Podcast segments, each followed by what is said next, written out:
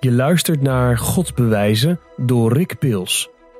Deze podcast wordt je aangeboden door Geloofsterusting.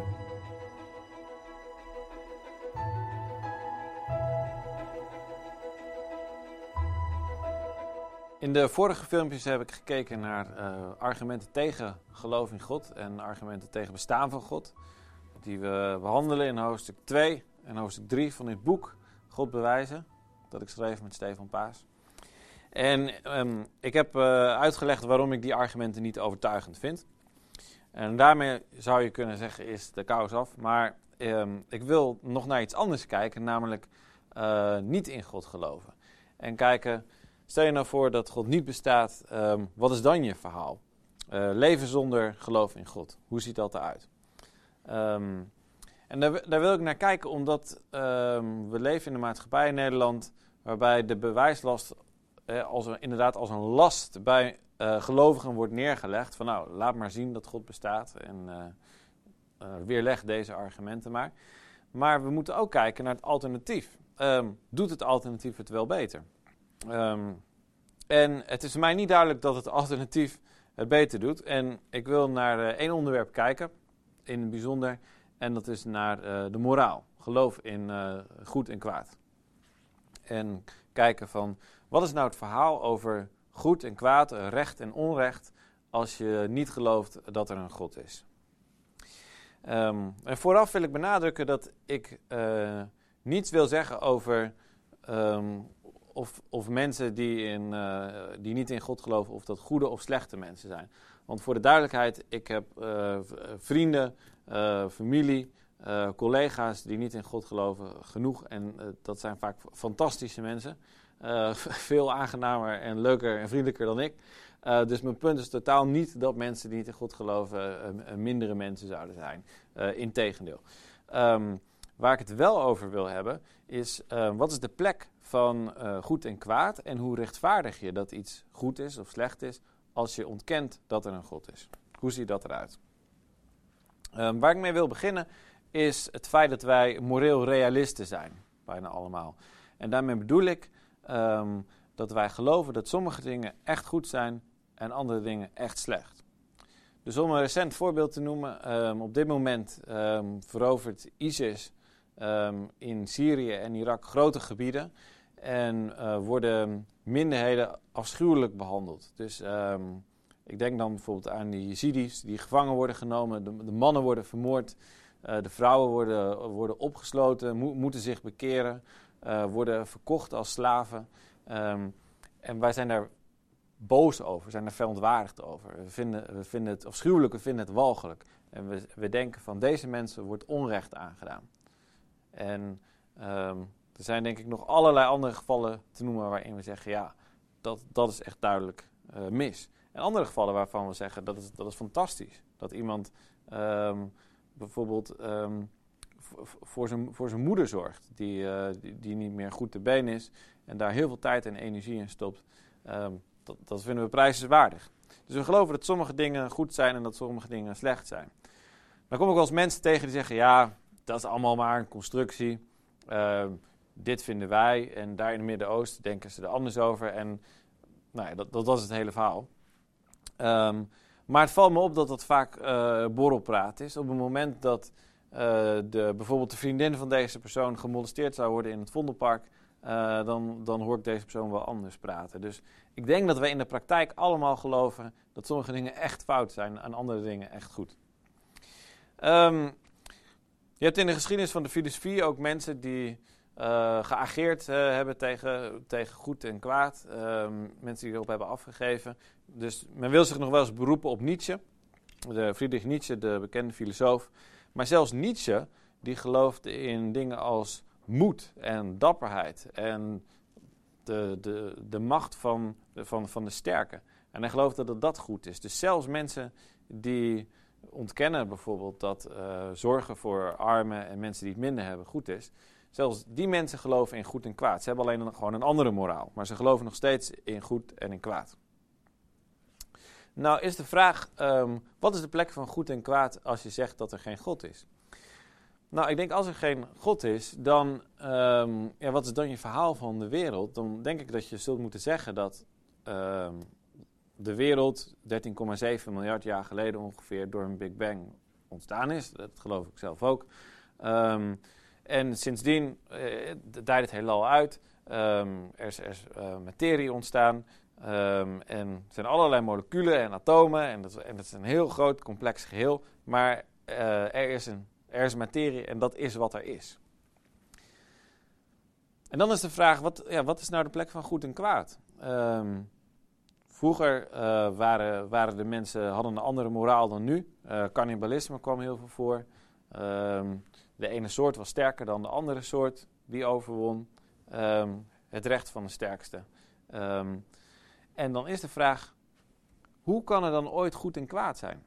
En wat ik wil benadrukken is dat als je ontkent dat er een God is, is dat het dan heel lastig wordt om te ontsnappen aan wat ik maar even moreel nihilisme noem. Dus moreel uh, niets eigenlijk. Als er alleen maar materie is, alleen maar moleculen, um, alleen maar atomen, hoe kan er dan ooit zoiets zijn als goed en kwaad? Hoe kan het ooit onrecht zijn om een vrouw op een bepaalde manier te behandelen, zoals bijvoorbeeld dat ze geen onderwijs zou mogen volgen? Als er alleen maar materie is, wat, waarom zou dat slecht zijn? Natuurlijk zouden er mensen zijn die dit slecht vinden of dat goed vinden, maar waarom zou het echt verkeerd zijn? Dat is, dat is bijna niet voor te stellen als er, alleen maar, als er alleen maar materie is.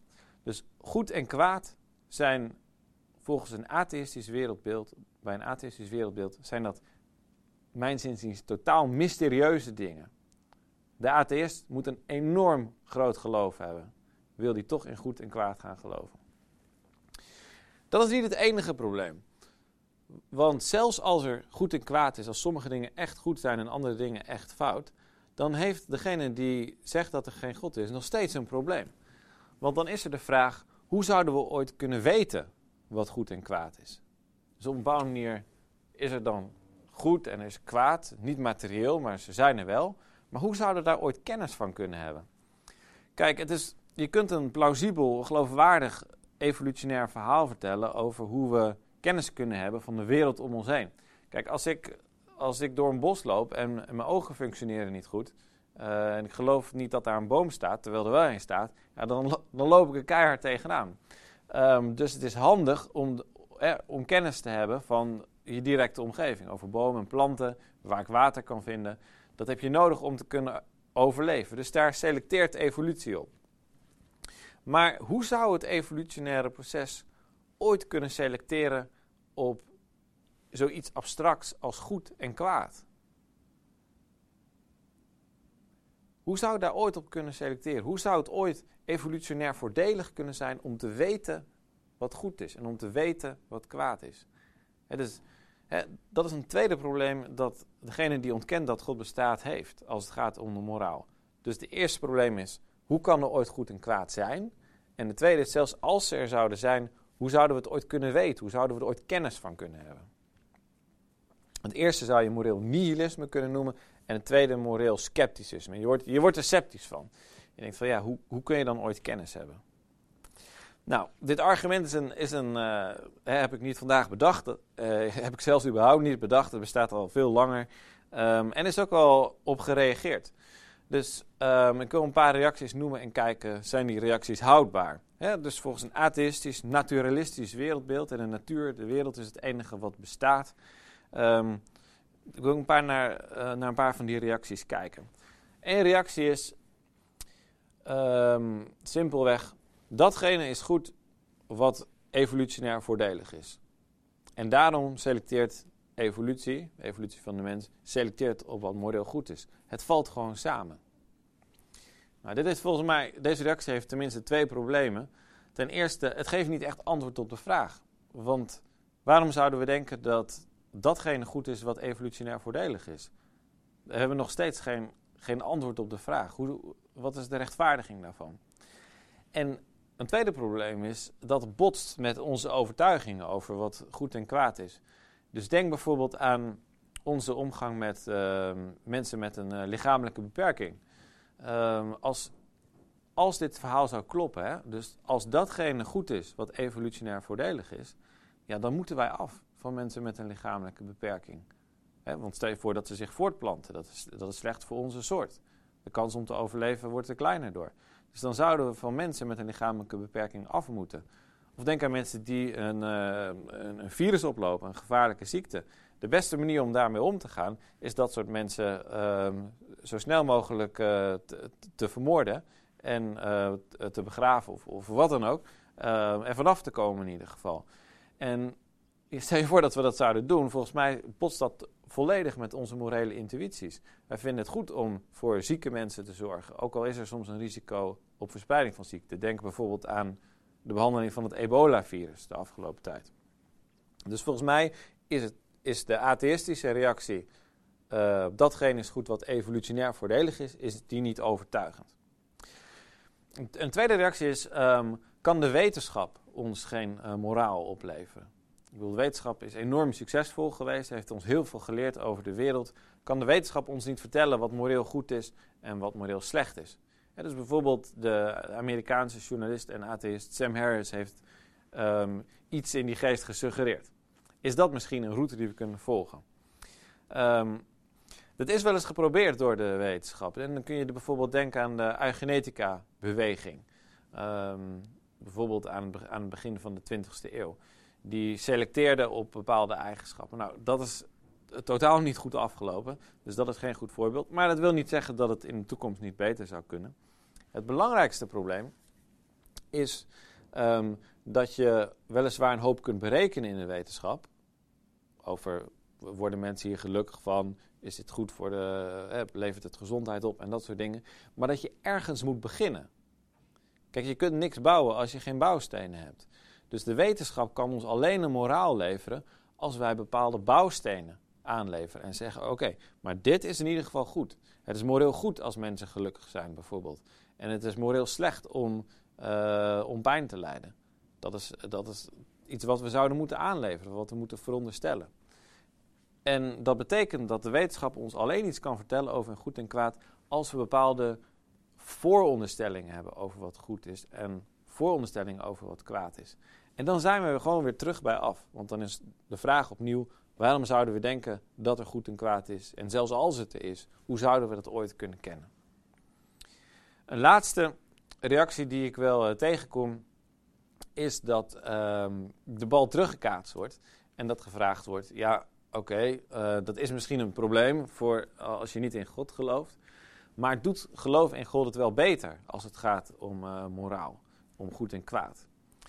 En um, dan kan de atheïst bijvoorbeeld met een klassiek dilemma komen. En dat dilemma wordt wel het Utifro-dilemma genoemd. Um, en het Utifro-dilemma is een, is een dilemma, dus er zijn eigenlijk twee opties. En uh, het idee is van je moet kiezen, maar allebei de opties zijn problematisch. Dus welke je ook kiest, je, hebt een probleem. Nou, de eerste optie is dat je zegt, sommige dingen zijn gewoon goed en sommige dingen zijn gewoon slecht. En God weet dat. God weet wat goed is en God weet wat slecht is. Maar als dat zo is, dan is er goed en dan is er kwaad los van God. Dus kan er ook goed en kwaad zijn uh, als God niet bestaat. De andere optie is dat je zegt: nee, er is niet objectief goed en kwaad los van God. Datgene is goed wat God wil en datgene is slecht wat God niet wil. Maar, zegt het uit die dilemma, als dat zo is, ja, dan zou God bijvoorbeeld het martelen van kinderen ook goed kunnen vinden. En dan zou dat goed zijn. Dus God zou de meest bizarre dingen goed kunnen vinden. Dus dan, ja, dan komen we in totale morele willekeur terecht. Dus wat je ook kiest van beide opties, als gelovige heb je net zo goed een probleem met de moraal. Dat is eigenlijk de moraal van het verhaal. Um, nou, korte reactie hierop is. Um, ik denk dat de eerste optie eigenlijk helemaal niet zo'n probleem is. Want zelfs als er objectief goed en objectief kwaad bestaat, los van God, um, dan zouden we nog steeds God nodig hebben om te weten wat goed is en wat kwaad is. dat was het, het, tweede probleem dat ik benoemde. En God zou ons bijvoorbeeld kunnen vertellen wat goed en kwaad is. Dat zou hij kunnen vertellen door ons moreel bewustzijn te geven, of door dat te openbaren via een heilig boek, zoals de Bijbel, of op een andere manier. Terwijl als je ontkent dat God bestaat, dan heb je nog steeds een verhaal nodig over ja, hoe zouden we dan ooit kunnen weten wat goed en kwaad is. Maar mijn belangrijkste reactie zou kunnen zijn, uh, en, die is feitelijk ook, dat in het Uitifro-dilemma um, de gelovige gepresenteerd wordt met twee opties. En er wordt gesuggereerd dat de gelovige moet kiezen. Maar volgens mij hoeft de gelovige niet te kiezen. En dat komt uh, omdat eh, Thomas van Aquino, uh, een, bekende filosoof uit de middeleeuwen in de 13e eeuw, die zei al dat je Gods wil en Gods karakter niet uit elkaar moet en ook niet uit elkaar zou moeten willen houden of halen. Um, dus Gods wil en Gods karakter, die zijn als het ware één. Nou, en dat is, ik zal uitleggen hoe dat het probleem oplost. Het idee is dan dat God um, sommige dingen goed vindt en sommige dingen fout vindt, omdat dat eigen is aan God. Dat, dat zijn eigenschappen van God zelf. Dus dingen zijn niet los uh, van God goed of los van God kwaad, maar uh, God zelf is volkomen goed. En datgene wat God wil, um, is goed en datgene wat God niet wil, is slecht. Dan zou je kunnen zeggen, ja, maar uh, kan God dan niet het martelen van kinderen goed vinden? En zou dat dan niet goed zijn? En dan is het antwoord nee. Want dat strijdt met wie God is. Gods wil en Gods karakter die horen bij elkaar. God kan het martelen van kinderen nooit goed vinden. En dat, dat, is, dat is onmogelijk.